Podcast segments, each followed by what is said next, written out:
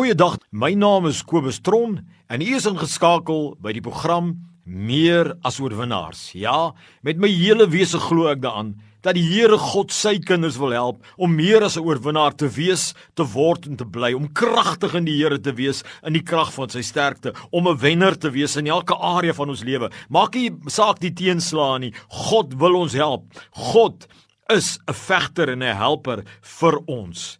Ek is tans besig met 'n reeks oor die wapenrusting van God. En vandag wil ek spesifiek fokus op die 6ste gedeelte van die wapenrusting, die swaard van die Gees. En spesifiek vir julle verduidelik wat dit beteken. Nou dis baie interessant om net dit te weet dat die swaard van die Gees in die wapenrusting van God is die enigste werklike aanvalswapen wat deel is van die wa wapenrusting wat die Here vir ons leer. So dis baie belangrik om hierdie ene korrek te verstaan. Maar voor ek daarop ingaan, kom ons lees saam weer Efesiërs hoofstuk 6 wat praat oor die wapenrusting vanaf vers 6. Eindelik my broeders, word kragtig in die Here en in die krag van sy sterkte.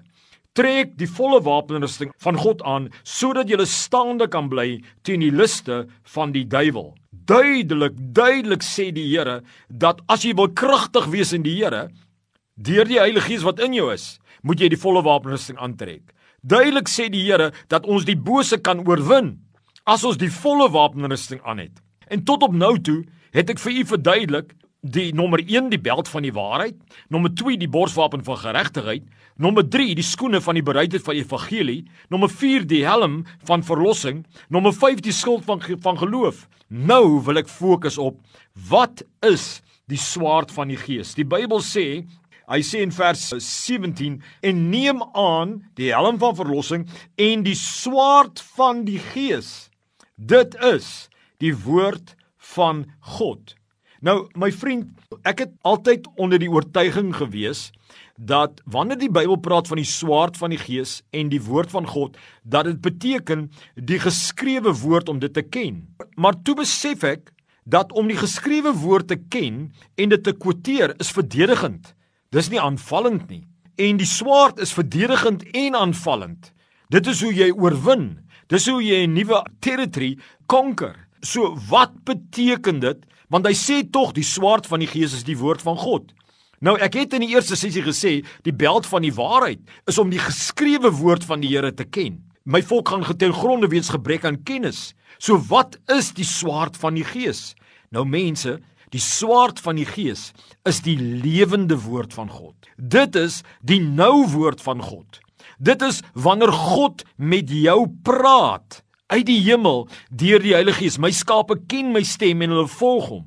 En wanneer jy vir Jesus die lewende woord ken en volg, sy direksionele wil, sy leiding deur die Heilige Gees wat in jou woon, wat dit aan jou openbaar, Met ander woorde, die Here sê vir jou, jy moet 'n boek skryf. Die Here sê vir jou, jy moet 'n besigheid oopmaak. Die Here sê vir jou, jy moet bedank en iets anders doen. Die Here sê vir jou, jy moet so met jou vrou werk. Die Here sê vir jou, jy moet so met jou kinders werk. Die Here sê vir jou, jy moet vergewe. Die Here sê vir jou, jy moet saai, gebaseer op die Bybelse skrif en beginsels. Dit is die lewende woord van God. Dit is hoe die aanvalswapen van die Here werk en hoe God wil hê ons moet aanval in ons beroepslewe, in ons huwelik, in ouerskap, met ons kinders, in ons finansies, in ons besigheid of organisasie, in ons kerk, in ons ministry. Dit is hoe die Here wil hê ons moet veg. Is dit nie hoe Noag geveg het nie? Hy het gehoor van God, hy moet die ark bou. Toe word die ark die manier om te red sy familie. Dit het die swaard geword. Hoe het Josua Jerigo oorwin? Hy het gehoor van God 'n spesifieke strategie en hy het dit uitgevoer. Hoe het Dawid gemaak? Hy het na God toe gegaan en gesê: "Here, wat moet ek doen?" En dan het hy gedoen. Hoe het Nehemia 'n nuwe gebied gewen vir God? Hy het gehoor die Here sê: "Herbou die mure van Jerusalem." En toe hy dit doen, toe kom daar oorwinning. Toe word 'n nuwe plek oorwin vir die Here. Dis soos Jesus opereer het. Jesus het het geveg met die swaard van die Gees. Die Bybel sê hy het gedoen wat Vader aan hom geopenbaar het. Hy is die lewende woord. Hy is die perd wat hardloop voor. Hy lei vir ons. Joel 2 sê so mooi vers 10. The Lord gives voice before his army, for his camp is very strong, for strong is the one who executes his word. Dit is die weermag van die Here wat ek en jy is. Ons luister na die stem en ons volg en nou word ons die swaard van die Gees. Nou kan die Gees deur ons werk en ons kan gebiede oorwin. Ons kan verdedig ons huwelike. Ons kan aanval die bose wat wil ons huwelike teenstaan, wat ons kinders wil wen vir die bose. Ons kan dit veg teen hom sê Openbaring sê nie so mooi dat praat hy van Jesus wat op die wit perd ry en hy sê in Openbaring 19 he was clothed with a robe dipped in blood and his name is called the word of God and the armies in heaven clothed in fine linen white and clean followed him on white horses my vriend is jy besig om dit wat die Here vir jou gesê het in jou hart wat jy weet wat jy weet dat jy weet dis die Here is jy besig om daarmee te veg wanneer jy dit doen is jy op die pad na oorwinning toe. Sê die Bybel nie in 2 Korinte 2 vers 14. Now thanks be to God who always leads us in triumph in Christ.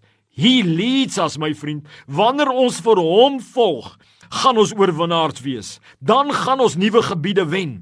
Daar waar jy werk, daar in jou huwelik, daar in jou ouerskap, daar in jou verhoudinge, daar rondom jou liggaamlike kondisie wanneer jy sê ek hoor die Here ek doen wat die Here sê dan kom God God back sy wil God back wanneer hy praat Jesaja 55 vers 11 sê so mooi so shall my word be that goes forth from my mouth It shall not return to me void, but it shall accomplish what I please and it shall prosper in the things for which I sent. Jy sien, is jy besig met die lewende woord, dan word jy 'n swaard dan het jy die volle wapenrusting wat jy aantrek ter verdediging, die beld van die waarheid, die borswapen van geregtigheid, die helm van verlossing, die skild van geloof, maar nou kom jy en nou begin jy aanval. En jy val nuwe plekke aan want jy doen dit wat die Here sê.